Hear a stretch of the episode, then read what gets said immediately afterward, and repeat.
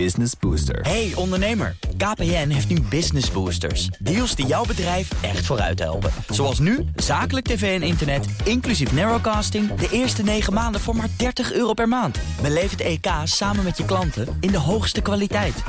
Kijk op kpn.com slash businessbooster. Business Booster. BNR Nieuwsradio. De wereld. Bernard Hammelburg.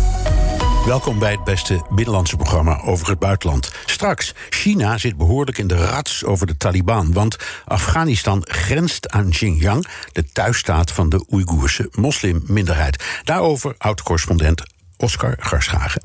Maar nu eerst, Nederland maakt een einde aan de evacuatie uit Kabul... en dat betekent dat er een groot aantal mogelijke evacuees achterblijven. Maar feit is ook, en dat is het slechte nieuws... dat Nederlanders met hun gezinnen en ook anderen die wij hadden willen evacueren om hen naar Nederland uh, te laten komen, dat we die op dit moment uh, niet kunnen meenemen. En we werken koortsachtig met anderen eraan om te bezien hoe we hen de komende tijd toch zo goed mogelijk kunnen ondersteunen. Dat zei demissionair premier Rutte. Ik praat erover met Kati Piri, buitenlandwoordvoerder van de Partij van de Arbeid. Welkom. Dank u wel. Uh, allereerst, wat vond je van het statement van Rutte? Ja, een statement die, die hij wel moet afleggen. En waarvan we ook natuurlijk twee weken geleden al vreesden dat dit moment komt. Dat we weten dat we niet iedereen hebben weten te evacueren. Ik denk dat hij niet heel veel anders had kunnen zeggen op dit moment. Nee, nou, heel veel zagen hem. Dat was al iets bijzonders. Want tot ja. nu toe waren het be bewindslieden, maar niet de premier. Ja, als je ook kijkt naar andere landen, hè, of nou Verenigd Koninkrijk is, of Duitsland of Frankrijk, waar eigenlijk alle premiers de afgelopen dagen bijna dagelijks persconferenties gaven over hoe het gaat met hun onderdanen, hoe het gaat met de evacuatie. Uh, ja, was bij ons de premier uh, wel behoorlijk on onzichtbaar. Nog iets uh, opvallends. Rutte noemde een heleboel landen waarmee gecoördineerd wordt in, deze, in dit drama. Maar Amerika noemt hij niet. Wat maak je daarvan? Nou, ik, ik zou heel eerlijk zeggen, ik ben ook best wel boos over hoe de Amerikanen dit hebben gedaan. Laten we niet vergeten waarom we twintig jaar geleden naar Afghanistan zijn gegaan. Het was ook omdat de Amerikanen om onze steun vroegen. Nee. Het was omdat de NAVO die aanbood aan Amerika. Dat is, hoezo is het echt gegaan? Dat artikel 5 is niet ingeroepen door de Amerikanen. En toch is het natuurlijk wel zo dat we uh, naar Afghanistan zijn gegaan door iets wat in ieder geval op Amerikaans grondgebied is zeker, gebeurd. Zeker, en het was ook solidariteit, daar is geen twijfel over. En wij hoopten allemaal natuurlijk na Biden, uh, sorry, na, na Trump, Trump ja. dat met Biden die relatie weer veel beter zou zijn.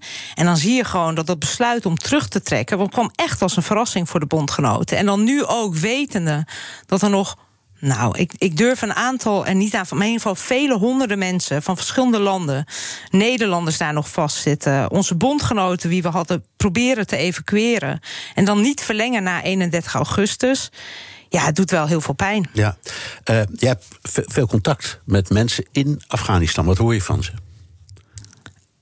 Boosheid ook. En, en sommigen zijn vooral kapot. We hebben de afgelopen dagen, om één voorbeeld te noemen, uh, echt geprobeerd om drie oud-bewakers, het zijn drie broers, uh, die voor Kamp Holland, voor de Nederlanders hebben gewerkt en hun gezinnen het land uit te krijgen. Ze zijn op de evacuatielijst gekomen, maar het is de afgelopen drie dagen niet gelukt om hen op een vlucht te krijgen. Ze waren al eerder op een uh, door de gate heen, maar toen bleek dat de papieren van de kinderen alleen maar in het Afghaans waren.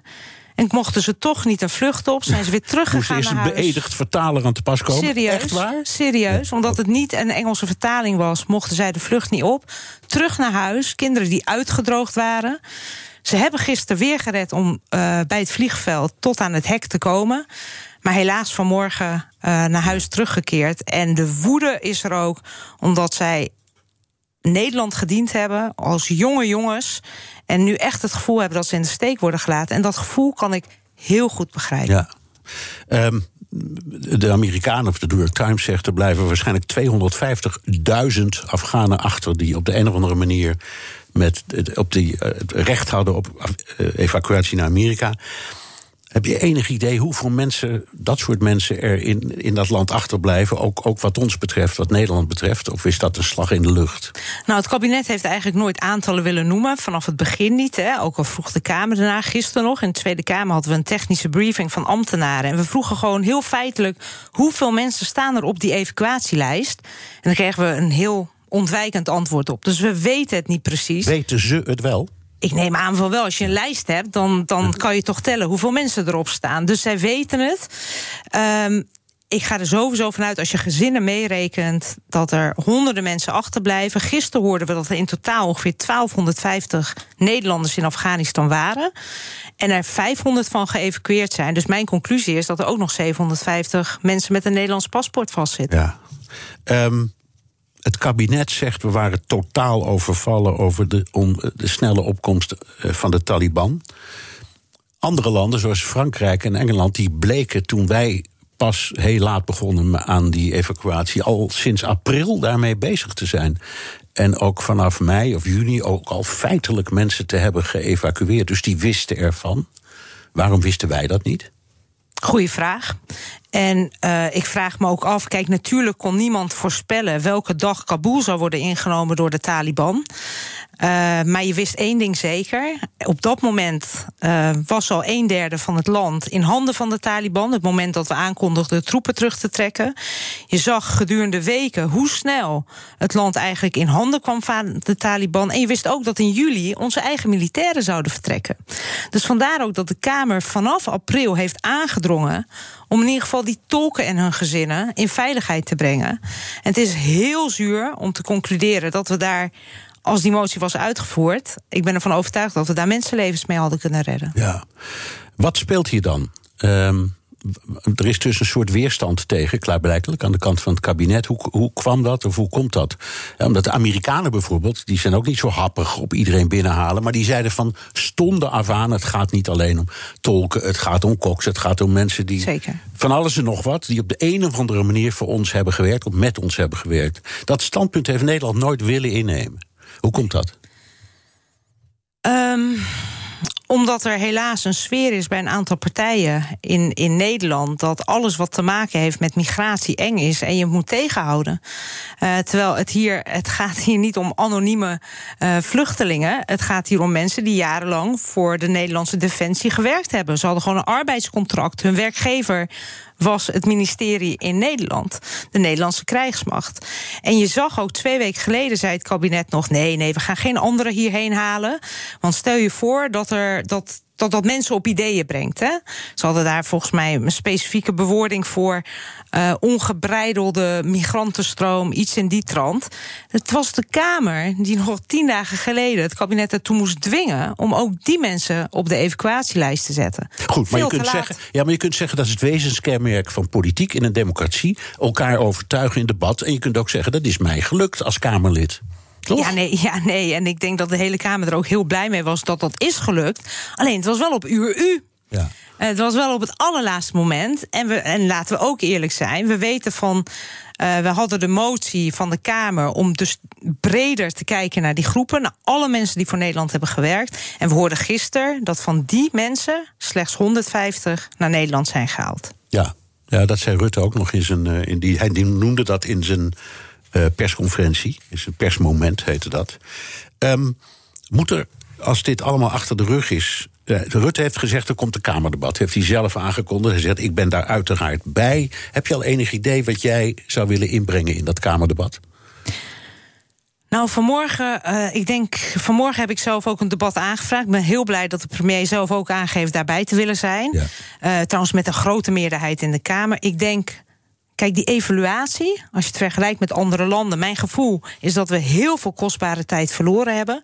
Die gaat er nog komen. Maar eerst, wat kunnen we nu nog doen voor die Nederlanders, voor de mensen die voor Nederland gewerkt hebben, die eigenlijk veilig op een vliegtuig hadden moeten zitten? Wat kunnen wij nu voor hen doen? Ja de komende weken. Ik wil dat het kabinet contact houdt met al die mensen die nu wanhopig en in doodsangst thuis zitten. En ook kijkt naar mogelijkheden, diplomatiek, maar ook natuurlijk kijken wanneer die grenzen weer open gaan, wanneer er misschien weer vluchten mogelijk zijn vanaf Kabul. Want ik, ik hoop echt dat wij nog steeds ook die mensen um, hoop kunnen geven dat zij de komende weken alsnog het land uit kunnen. Ja, we hadden op BNR gesprek met uh, Marten Kruijf, eh, luitenant-generaal, een van de, van de NAVO, een van de NAVO-leiders in Afghanistan. Die zei dat we eigenlijk ons te bang laten maken door de Taliban. Uh, en als we wat meer druk hadden gezet, dat we gewoon hadden kunnen doorgaan met evalueren, heeft hij gelijk. Met uh, evacueren? Nou, ik kan me niet voorstellen als de Amerikanen het per se hadden gewild dat het niet had gekund. Je ziet ook bondgenoten uh, van de NAVO, alle Europese landen. Als je, als je luistert naar uitspraken van de Britse minister van Buitenlandse Zaken, die ook woest is dat hij duizenden mensen die hij nog had willen evacueren niet op tijd het land nee, heeft maar, kunnen uithalen. Maar die heeft dan wel boter op zijn hoofd. Want die, de Britten waren al in, in mei of juni bezig met evacueren. En die hebben jou als Kamerlid in Nederland ook niets verteld. Dat deugt ook niet, toch? Ja, nou ja, kijk, wat daar aan overleg is uh, uh, onder de ministers van Buitenlandse Zaken en de premiers, daar ben ik niet bij.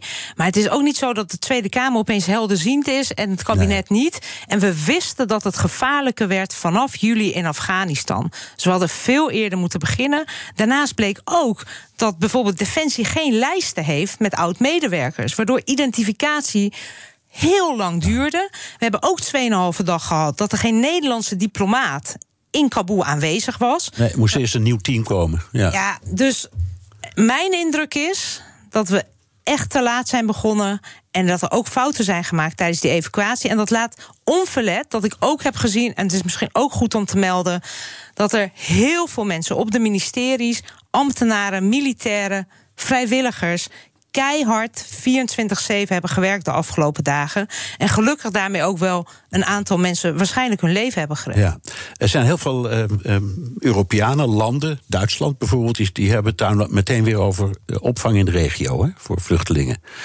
Uh, en dan denk ik, willen we nou echt mensen naar Oezbekistan of Iran of Tajikistan sturen? Vind je dat als West-Europeaan eigenlijk fatsoenlijk om dat überhaupt te eisen? Of zie ik dat verkeerd? Ja, je ziet helaas. Nou, je kunt ook zeggen, misschien zijn ze daar veiliger dan in Afghanistan, maar toch. Ja, ik denk, kijk, er gaan al weken heel veel mensen de grens over. Hè. Dat zien we bijvoorbeeld ook in Turkije, waar elke dag zo'n duizend Afghanen nu de grens overkomen. En waar de spanningen ook toenemen. Dat is ook niet zo gek. Hè. In Turkije bijvoorbeeld een land waar al 3,6 miljoen vluchtelingen zijn, met name uit Syrië. Ik vind dat de internationale gemeenschap, die hier 20 jaar in Afghanistan heeft gezeten, nu niet opeens de handen ervan af kan trekken. Dus dat betekent dat je ook voor fatsoenlijke opvang moet zorgen ook de buurlanden moeten ondersteunen, waar vluchtelingen hopelijk terecht kunnen. Op dit moment zijn de grenzen nog dicht, zo moeten we zien. Maar ook als Nederland ruimhartig moet zijn in het opvangen van mensen in zo'n ellendige situatie. Dit is BNR de Wereld. Mijn gast is Kati Piri, buitenlandwoordvoerder voor de Partij van de Arbeid. Ondanks de snelle aftocht uit Afghanistan houden de Amerikanen wel nauw contact met de Taliban, ook om verdere evacuatie te garanderen. The Taliban have made public and private commitments to provide and permit safe passage for Americans, for third country nationals, and Afghans at risk going forward past August 31st. Ja, dat was de Amerikaanse minister van Buitenlandse Zaken Blinken. Um, ook EU-buitenlandschef zegt je moet openstaan voor samenwerking met de Taliban. Um, moet Nederland bijvoorbeeld overgaan tot een soort van erkenning? Nou, erkenning zou ik op dit moment zeker niet doen. Maar het is gewoon een feit dat op dit moment het land in de handen is van de Taliban. Ja. En dat dat waarschijnlijk de komende maanden ook zal zijn. Terwijl wij nog steeds Nederlandse onderdanen in dat land vast hebben zitten. Dus je zult toch manieren moeten vinden om in ieder geval proberen je eigen mensen en de Afghanen voor wie je verantwoordelijkheid hebt. Uh, eruit te halen. Dat lijkt me wel. Dat is nog iets anders dan erkenning. Ja, ja nou goed, de CIA praat met ze. Blinken praat, die zegt, die is daar heel Duitsers openlijk. ook. Duitsers ook. Die Ja. hebben gewoon contact met uh, de Taliban. Uh, dus, dus dat kan. Um, en het, het doel, van, zegt Blinken, is eigenlijk om, om te proberen ervoor te zorgen. Hij zegt ook dat hij een soort garantie heeft. dat ook na die deadline van 31 augustus. toch nog steeds mensen eruit kunnen worden gehaald. Is dat iets waarvan je denkt: dream on, of geloof je dat wel? Nou, ik zou zeker niet de Taliban op hun woord geloven. Uh, kijk, als je het hebt, er zijn nu, zitten nu eigenlijk nog twee groepen mensen in Afghanistan vast. Mensen met een westers paspoort. En ik uh, denk dat de afspraken die er zijn gemaakt met de Taliban met name hem betreffen. Ja, dat zou dus kunnen. mensen met een Amerikaans, Nederlands, Brits paspoort. Westers paspoort, dan mag, dan mag je door. Dan mag je door. En ik hou echt mijn hart vast voor de mensen die een Afghaans paspoort hebben. Ja. En uh, die voor ons getolkt hebben of beveiliger waren, bijvoorbeeld op, op Kamp Holland. Ja, of begeleider van journalisten. Ik, ik heb zelf daar met Fixers. iemand gewerkt die ja, fixers, die journalisten begeleiden. Dat was een, een Afghaanse vrouw. Dus ik, ik weet helaas niet meer hoe ze heet. Anders was ik er ook wel achteraan gegaan. Maar dat soort mensen die lopen natuurlijk enorm gevaar. Zo is het. En dat zijn natuurlijk ook nu de mensen die echt in doodsangst zitten. Uh, dat zijn de mensen die weten dat veel van hun familieleden of collega's zijn vermoord in het verleden door de Taliban vanwege het werk wat ze voor de westerse uh, alliantie hebben gedaan. En uh, laat ik het zo zeggen, die mensen geloven op dit moment niet het woord van de Taliban. Nee, hebben ze gelijk. Uh, 75% van alle financiën in Afghanistan is hulpgeld, ook uit Nederland. Moet de EU en EU daar, Nederland en de EU daar even mee stoppen? Ik vind dat een moeilijke vraag. Omdat uh, we de afgelopen dagen natuurlijk, denk ik, met z'n allen vooral bezig waren met het hier en nu. En dat waren die evacuaties. Uh, en het besef dat er nu een, tali een Taliban-machthebber is in het land en hoe je daarmee omgaat, is denk ik iets wat. Dat gesprek zal nu pas beginnen. Uh, ik weet, het is niet gepast voor een politicus om te zeggen: daar heb ik nog geen antwoord op. Nou, daar heb mag. ik nog geen antwoord op. Nee, dat nog. Ik, in, onder deze omstandigheden begrijpen we dat. Ook in de studio is Europa-verslaggever Geert-Jan Haan. Uh, Geert-Jan, wat is nou het Brusselse standpunt ten aanzien van de Taliban? Daar is verwarring over. En dat is misschien ook niet het antwoord dat je wil horen. Maar uh, aan de ene kant heb je Jozef Borrell, waar je al aan refereerde, de EU-buitenlandchef, die vorige week aangaf dat alle opties wat hem betreft op tafel liggen. Dat zei hij na een overleg met de Europese ministers van Buitenlandse Zaken. Waarmee hij dus zeker niet uitsloot dat met de Taliban ook uh, gesproken wordt. Ook buiten uh, evacuaties om, wat nu natuurlijk uh, de grootste prioriteit heeft. Ja. Tegelijkertijd, nu, Ursula von der Leyen van de Europese Commissie, de president, uh, zij gaf dus aan uh, deze week: ja, uh, het is niet not on the table om met de Taliban te gaan praten, om ze te, überhaupt te erkennen. Ja, en dan kijk je, zeker als je niet zo'n EU-politieke junkie bent als ik, en zeker als Kati Piri, die natuurlijk daar lang heeft rondgelopen, dan is dat verwarrend. Ja, um, dat is niet voor het eerst, die verwarring. Nee, ook daar weet mevrouw Piri natuurlijk van alles van. Want uh, dit loopt al uh, sinds uh, Ursula von der Leyen voorzitter werd, president werd in 2019 van de commissie. En Borrell toen kwam en Charles Michel toen kwam. Want die heb je ook nog van de Europese Raad. En ik denk dat het nog verwarrender zou zijn als Charles Michel een, een nog dominanter Haantje de Voorste zou zijn. Dat is de voorzitter van de Europese Raad. Precies, en de Raad. Dat is eigenlijk de hoogste, hè? En in principe gaat de Raad over de. Ja. Nee, dat is Ursula von der Leyen. In ja, oké, okay, ja. dat was nou eigenlijk. Dit was de opmaat naar die vraag. Ja. Wie heeft het nou uiteindelijk voor het zeggen? Ja, nou, om mijn zin af te maken, ik denk als Charles Michel nog dominanter zou zijn, dan zou het nog verwarrender zijn met welke mond de EU nou spreekt. Maar inderdaad, en ik durf mevrouw Piri ook niet tegen te spreken. Borrell is vicevoorzitter is de hoge vertegenwoordiger, gaat over buitenland en, en defensiezaken, om het even zo samen te vatten. Maar uh, president uh, von der Leyen uh, is de hoogste in rang. En dat zag je ook terug bij eerdere incidenten. Bijvoorbeeld toen Borrell een flater sloeg in Moskou na zijn dialoog met Lavrov, waar hij compleet werd weggeblazen bij een persconferentie. Ja. Toen werd er gevraagd om zijn ontslag bij von der Leyen. En een omgekeerde brief zou volgens mij niet aan het juiste adres zijn. Oké, okay. dankjewel, Geert-Jan Haan. Uh, Kati Piri, je hebt, ja, dat, Geert-Jan zei je hebt jaren in dat Europese parlement rondgelopen. Ja. Hoe zit het echt? Nou, heeft, ja, heeft Geert-Jan... nee, nee ik, ik, wil je niet tegenspreken, maar geeft Geert-Jan het aan zoals het echt zit? Ja, en daarnaast misschien is het ook wel goed om te beseffen... het zijn natuurlijk ook politici uit hun landen. Hè? Dus kijk, ik neem aan dat uh, Josep Borrell, de hoogvertegenwoordiger... niet iets zegt zonder in ieder geval met de belangrijkste ministers... van Buitenlandse Zaken gesproken te hebben. Uh, maar het is ook een Spaanse politicus. En ik neem aan dat Ursula von der Leyen natuurlijk ook overleg heeft gehad en met haar collega's, uh, de, de premiers van de EU-landen. En tegelijkertijd is ook vooral heel erg een Duitse politica. En uh, ik denk dat niet erkennen van de Taliban, dat sentiment leeft denk ik heel breed momenteel in Europa. En als we zien dat er nog vele honderden EU-burgers nu vastzitten in Afghanistan, beseffen we ook allemaal dat je wel moet praten om in ieder geval die mensen daar weg te halen. Ja. Dus ik denk dat ze allebei misschien hetzelfde bedoelen, maar het weer heel ongelukkig Oké, okay, maar strikt, strikt genomen, zoals Geert-Jan zegt, Van der Leyen gaat er uiteindelijk over, maar dat Borrell als diplomaat, zal ik maar zeggen, ja. de deur een beetje op een kier houdt, dat is niet zo gek. Dat klopt, maar ik, ik vrees dat geen afgesproken good cop, bad cop uh, was. Nee, nee, nee, nee. Oké, okay. maar goed, klinkt wel een beetje zo, vind ik. Um, Borrell vindt ook dat we lessen moeten trekken uit uh, het Afga Amerikaanse vertrek uit Afghanistan. Europa moet, wat hem betreft, een defensiemacht opzetten met 50.000 mannen en vrouwen, zodat Europa onafhankelijk van Amerika ook in Afghanistan actief zou kunnen zijn. Goed idee? Ja, een discussie die natuurlijk al heel lang loopt en, en nu weer heel actueel wordt uh, met dit vertrek. Ik, uh, kijk, zelfs als je dat zou willen, kost dat vele, vele jaren om dat uh, op te zetten. Wat, wat ik vind, is ook voor de Partij van de Arbeid moeten wij echt die 20 jaar Afghanistan evalueren.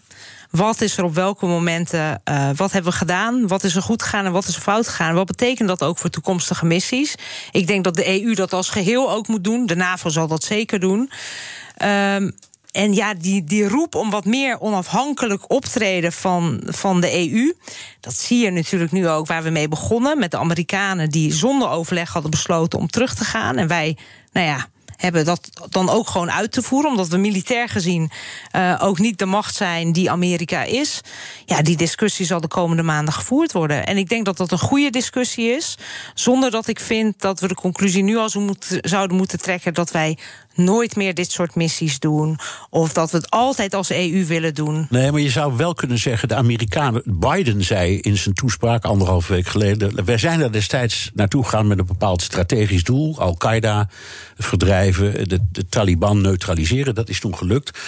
Toen die andere landen, Europese landen, mee gingen doen, toen hebben die dat ingevuld met humanitaire missie en, en, en, en nou ja, opbouw. Op, opbouw en al dat soort dingen. Is dat een les die we misschien moeten leren? Dat moet je niet doen, want dat lukt niet. Nou, ik denk dat je per land moet bekijken inderdaad hoe realistisch het is. Is het ooit gelukt ergens met zo'n missie? Nou, dat uh, ja. weet u misschien beter dan ik. Uh, loopt uh, iets langer mee in de internationale politiek. Ik denk, kijk, Afghanistan uh, staat heel ver af van, van een land als Nederland. Hè, als het gaat natuurlijk om. om, om en, en de hele geschiedenis van Afghanistan laat ook zien dat het niet zo makkelijk is om in een ander land te doen wat jij wil ja, dat er gebeurt. Het model, op, het model te laten kopiëren, dat lukt gewoon niet. Zo is het. En overigens, het is eerlijk, ik moet de vraag ook beantwoorden. Heb ik het ooit gezien? Ik vind Kosovo wel een aardig okay. idee, want dat is redelijk gelukt. En dat komt omdat de internationale gemeenschap toen ook Nederland zei, daar blijven we heel lang.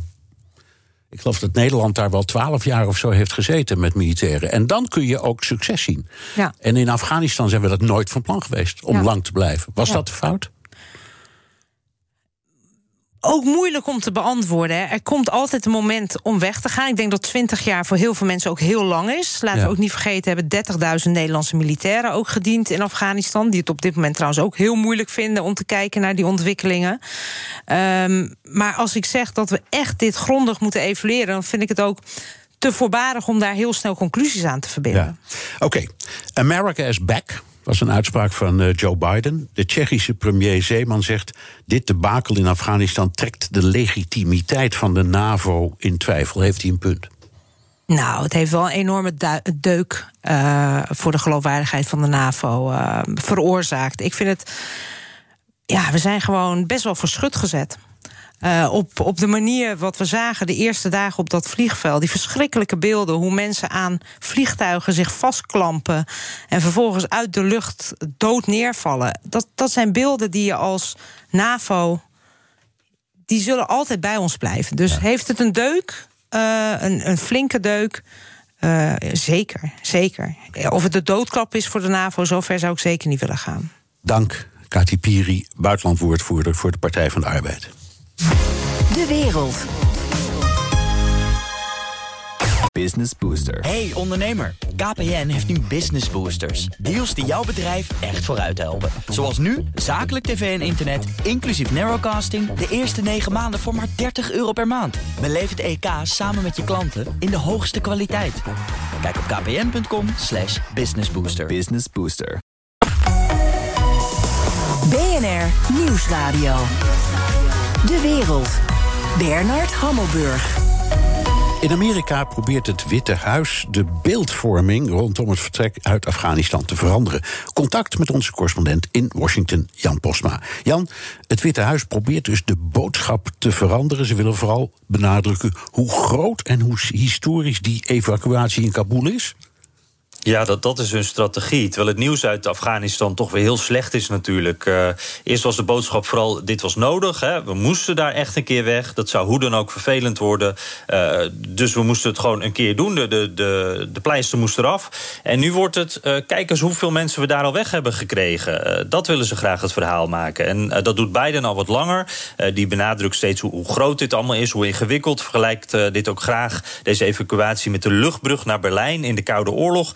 Uh, toen werden alleen natuurlijk geen mensen vervoerd, maar van dezelfde orde van grootte, uh, zegt Biden. En ook een belangrijk onderdeel daarvan is: dit gebeurt zonder Amerikaanse slachtoffers. Maar ja, dat, dat moet dan wel even zo blijven. Uh, wat je verder ziet, Biden doet dat dus, die boodschap, maar ook zijn stafchef bijvoorbeeld, Ron Klein. dat is eigenlijk een beetje de, ja, de poortwachter bij Bidens Oval Office, de spelverdeler. En Klein die heeft twee Twitter-accounts. Die is volop aan het retweeten. Bijvoorbeeld die berichten over vergelijkingen met die lucht brug naar Berlijn. Uh, en ook passief-agressief vind ik het wel een beetje. Is hij dan positieve berichtjes van andere mensen aan het lijken? Dus op zo'n manier wordt daar een soort uh, uh, PR-oorlogje via Twitter ge, ge, ge, gestreden. Ja, en dat roept natuurlijk de vraag op: werkt dat narratief van het Witte Huis? Ja, ik, ik, hoor jou het al wat. Uh, ik hoor al wat in jouw stem, Bernard. En dat, dat, wordt, ja, dat wordt best lastig. Uh, Biden heeft steeds beloofd: we laten geen Amerikaan achter. De berichten van vandaag laten iets anders zien. USA Today, Amerikaanse krant, had vandaag op de voorpagina: Mr. President, laat geen Amerikaan achter. Nou ja, die beelden uit Afghanistan die zijn daarbij heel belangrijk. We zien dat menselijk leed. het is pijnlijk zichtbaar dat de Taliban daar nu de, de baas zijn. En wat je dan hoort bij Democraten ook ook. Uh, ook op beide vriendelijke zenders, zeg maar even, als CNN. Dit had anders gemoeten. Uh, Biden is dit aan te rekenen. En uh, twee congresleden, een republikein en een de democraat... waren deze week stiekem even op het vliegveld in Kabul. Dat is nog een heel verhaal apart. Maar hun conclusie was... we krijgen de mensen hier inderdaad niet op tijd weg. Dus we moeten nu onze relatie met de Taliban goed houden... zodat we na 31 augustus nog mensen weg kunnen halen. En ja, dan kun je op dit moment zoveel mensen weghalen... dan kan het historisch zijn, maar de mensen die daar achterblijven... dat is denk ik wat op dit moment eh, echt telt. Ook in de beeldvorming, wat het Witte Huis ook wil. Ja, je had het over het. Uh over CNN, dat is redelijk pro-Biden. Fox News is de meest bekeken zender. Ook tijdens de crisis in Afghanistan. Daar zitten heel veel critici. Wat zien de Amerikanen daar? Ja, Bernard, dat, dat is uh, natuurlijk helemaal duidelijk, dat beeld. Het is 100% Bidens schuld. Uh, hij is ook president natuurlijk, hè, dus op dat punt daar hebben ze ook gelijk in. Maar uh, wat je dan bijvoorbeeld hoort, Lindsey Graham, republikeins congreslid... ook andere republikeinen, die komen voorbij en die zeggen dat Biden impeached moet worden. Dat hij heeft laten zien dat hij het niet aan kan. of dat hij moet worden vervangen via het 25e amendement. Hè, dat, hij, dat, dat kan in het geval als de president ziek is... of niet, niet meer handelsbekwaam is. Dus dit is echt het playbook eigenlijk van de Democraten uh, tegen Trump nu op Biden toegepast. En wat me opvalt is hoe Fox News uh, Trump geen enkele rol geeft in dit verhaal. Trump die onderhandelde met de Taliban, kwam tot dat vredesakkoord. En nu zijn ze op Fox News boos dat het hoofd van de CIA met een Taliban-leider heeft onderhandeld. Terwijl diezelfde Taliban-leider ook bij die onderhandelingen met de Trump-regering was betrokken. Dus die hele rol van Trump, dat wordt even weggeveegd. ik, ik vond het mooiste voorbeeld, mooiste citaat uh, van deze week kwam van Kayleigh McEnany, de, de oud-woordvoerder van het Witte Huis onder Trump. Uh, die zei dit. We are eight months into a Biden presidency, Jesse. Wrap your head around that. We still have three years and four months left. Look, when President Trump was president, you didn't see crisis after crisis. You just didn't see it. Ja, uh, dit is uh, natuurlijk Bidens crisis. Maar ga ons nou niet vertellen dat Trump nooit een crisis had. Want uh, dat weten we toch allemaal wel beter. Ja, goed. Dankjewel. Jan Postma, correspondent in Washington. Wilt u meer horen over dat fascinerende land? Luister dan naar de Amerika-podcast van Jan en mij. De wereld. China kijkt glunderend naar het chaotische vertrek van Amerika uit Afghanistan. Maar achter de schermen zijn er grote zorgen over nieuwe terreurdreiging vanuit Afghanistan. Ik praat erover met Oscar Garschagen, oud-China-correspondent en schrijver van het boek De Chinese Droom. Dag Oscar. Hi Bernard. Een frame dat China zelf nu voorop de wereld inhelpt, is dat ze via economische hulp en infrastructuur rust en welvaart kunnen brengen in Afghanistan. Zit er wat in? Ja, daar zit wat in. Uh, volgens Amerikaanse berekeningen zit er voor duizend miljard aan, uh, aan grondstoffen, lithium, kobalt, uh, koper, et cetera, onder de grond in, uh, in Afghanistan. Maar tegelijkertijd zijn de Chinezen ook realisten en zien wat daar in de afgelopen decennia is gebeurd. En zullen het kampjes aan gaan doen daar. Ja. Um, ze hebben wel eens pogingen gedaan hè, om grondstoffen te ontginnen, een kopermijn op te zetten. Nou, het is allemaal niet zoveel um, van terechtgekomen. Dus zijn, tegendeel zelfs. Ja, tegendeel. Dus is, is wat, wat China zegt ook een beetje een mythe. Nou ja, kijk, op politiek, geopolitiek uh, vlak. de Chinese media en hoe Xi Jinping zelf denkt, dat weten we natuurlijk niet precies. En of hij heeft staan juichen daar uh, in zijn kantoor aan het Tiananmenplein, dat weten we ook niet. Maar de Chinese media hebben natuurlijk een, uh, een field day gehad in de afgelopen weken en nog steeds. Maar de andere realiteit is inderdaad dat uh, twee, drie grote Chinese staatsbedrijven daar al vanaf 2007 voet aan de grond hebben proberen te krijgen. onder bescherming, eh, militaire bescherming van de Amerikanen overigens. Dat is wel een saillant detail. Eh, ontwikkeling van een kopermijn, ontwikkeling van een, uh, van een olieveld. Et cetera. Dat is allemaal uh, totaal mislukt. Ook, ook plannen voor spoorwegen, een elektriciteitscentrale, een olieraffinaderij. Ook niet gelukt. Een paar ziekenhuizen, een, uh, een, een, uitbouw van de Universiteit van Kabul. Daar is het ongeveer uh, en, en misschien een militaire basis, de, de, de voorloper daarvan. Maar meer is er niet gebeurd. Hoe, hoe komt dat, dat het allemaal is mislukt? Uh, verschillende redenen. natuurlijk turbulentie in Afghanistan zelf.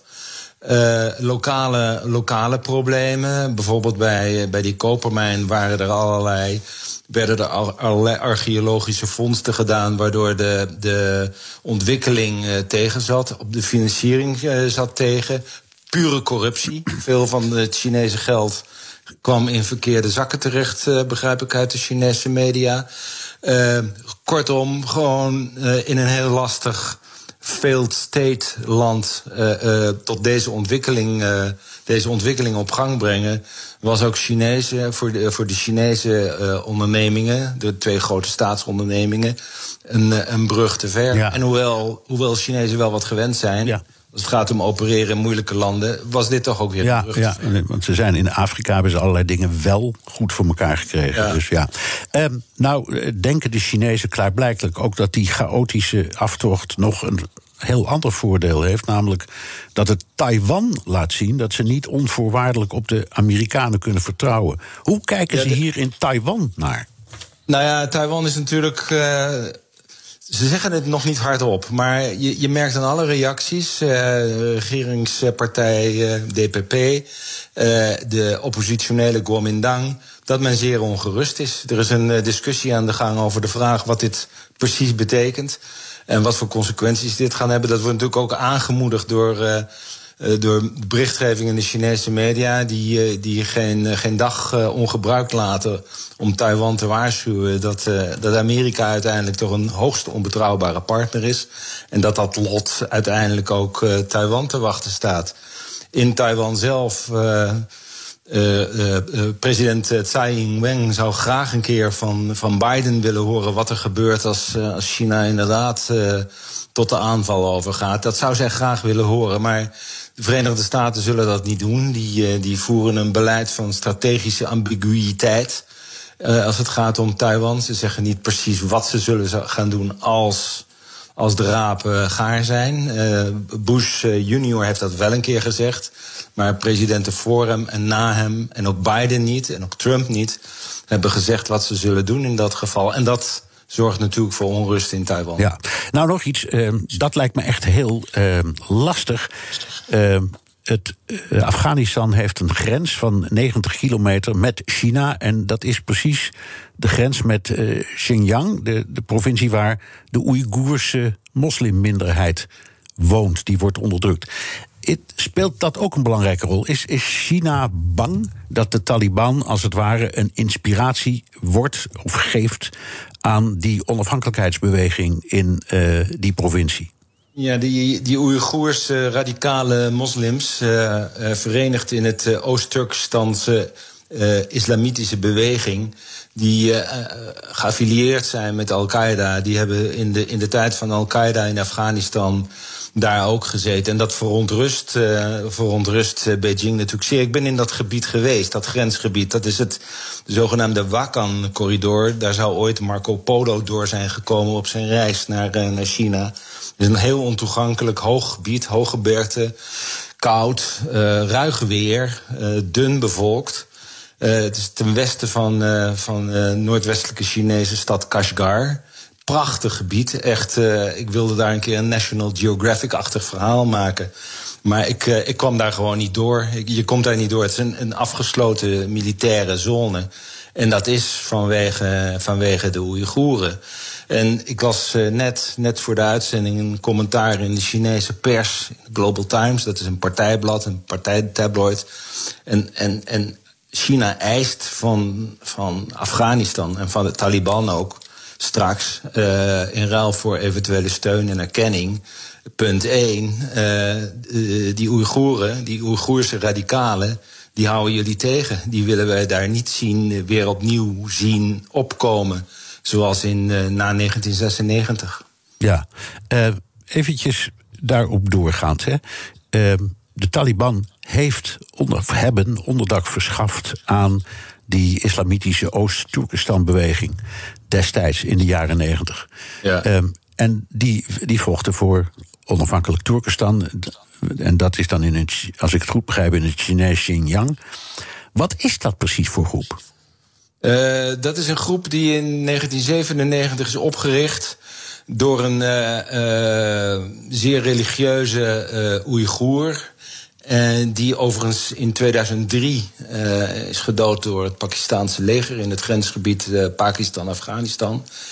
De ETIM, zoals het Engelse acroniem is, is een, is een nogal schimmige beweging. Stond, stond lang op de internationale lijsten voor terroristische organisaties is daar bij wijze van pesterij door Trump weer van afgehaald. Pesterij richting China. Het is een hele schimmige organisatie. En die wordt van, door de Chinezen verantwoordelijk gehouden voor de, voor de honderden aanslagen die uh, vanaf de jaren 90 tot, uh, tot en met 2014 in China gepleegd zijn. En waarbij aan zowel Oeigoerse kant als aan Chinese kant uh, tientallen doden zijn gevallen. En de laatste keer in 2014 en daarvoor in Kunming. Dat is de hoofdstad van de zuidwestelijke provincie Yunnan. Uh, eh, 35 doden. En daarvoor, het jaar daarvoor, in 2013... Uh, eh, op het Tiananmenplein, vlak bij het kantoor van de toen pas uh, benoemde president Xi Jinping. Ja, dat, en dat, dat, dat noemen de Chinezen het 9-11 van China, hè?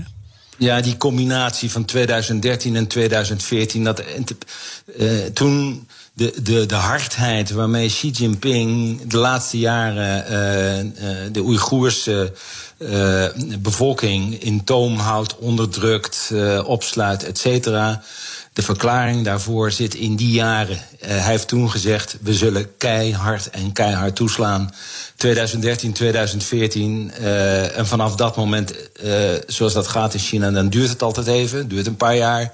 Maar dan, uh, dan komt die, die vuist van Xi Jinping, die uh, komt als een, als een mokerslag. Ja, maar eh, moeten wij journalisten bijvoorbeeld ook een beetje in de spiegel kijken als we steeds maar praten over die zielige Oeigoeren die worden onderdrukt? Want ik zeg, Xi heeft ook een verhaal. Kan ik zeker een verhaal. Ja, zeg, het, het, zulke lievertjes zijn dat niet, bedoel ik maar. Nee, dat is ook zeker. Uh, die, die, die, die beweging voor een onafhankelijk Turkestan, dat dateert van uh, begin jaren 30 in de vorige eeuw. Dat Oost-Turkestan heeft uh, kort een aantal jaren bestaan. Dat eindigde bij de stichting van de Volksrepubliek China in 1949. Daarvoor was het een vaag gebied. Uh, Stalin heeft zich daar ook nog een tijd mee bezig gehouden.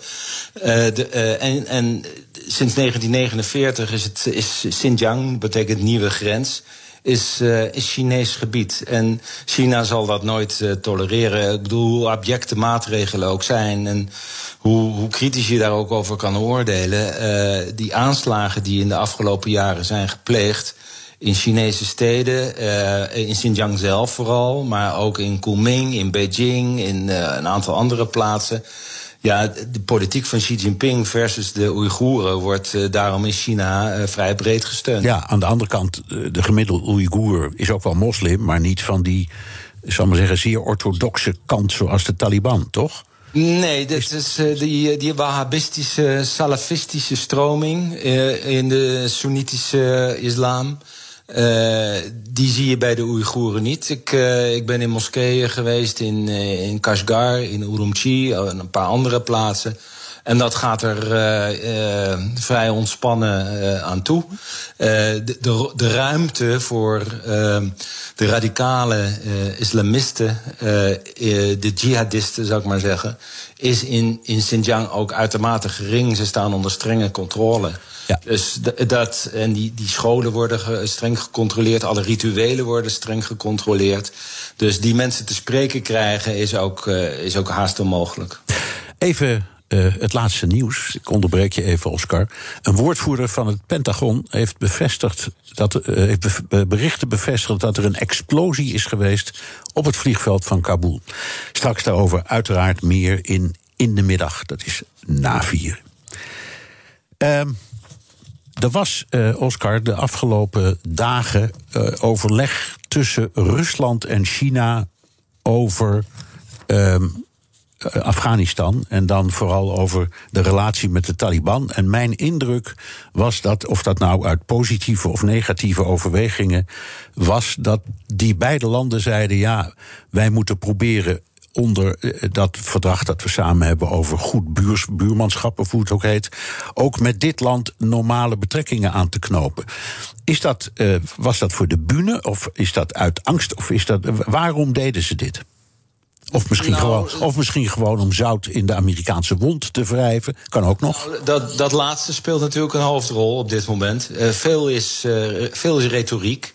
Veel is voor de bühne. Veel is voor uh, westerse, met name uh, Amerikaanse consumptie. Kijk, de, de Russen gaan niet meer naar Afghanistan. Dat kan je gezien de geschiedenis wel veilig zeggen. En de, de Chinezen, we hebben het er even net eerder over gehad, ook veel zijn woorden en verklaringen.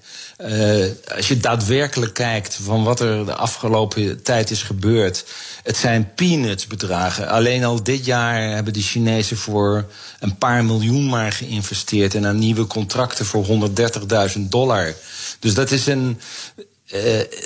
De Chinese kennende uh, zal het uh, Cassian zijn. Kalmpjes aan. En dat blijkt ook uit, uit de commentaren vanmiddag nog in de, in de Chinese pers. Er worden een hele reeks voorwaarden gesteld. En China kan, en dat geldt voor Rusland ook, best een, een islamitisch land uh, als buurland uh, tolereren. Maar het moeten geen uh, Radikalinski's zijn. Het moet, moet geen, het moet geen Iran worden. Het moet ook geen Saoedi-Arabië worden. Nee. en dan wat China betreft, waarschijnlijk met het oog op de Oeigoeren, die daar anders misschien te veel inspiratie uit krijgen. En wat de Russen betreft, misschien de Caucasische staten, die ook voor een groot deel moslim zijn, uh, Tsjetsjenië en zo. Dus ik kan me voorstellen dat deze beide leiders zeggen: we moeten dat proberen te neutraliseren. Nou, dat is natuurlijk ook zo. En bovendien, ideologisch gezien hebben uh, zeker Xi Jinping, uh, uh, Poetin denk ik ook, hebben weinig op met, met Taliban-achtige organisaties die hun inspiratie uit het. uit, uit, uit de Koran halen. En, en die Koran ook nog heel radicaal interpreteren. Teruggaan naar een naar een middeleeuws, uh, vroeg middeleeuws salafistische interpretatie van de islam.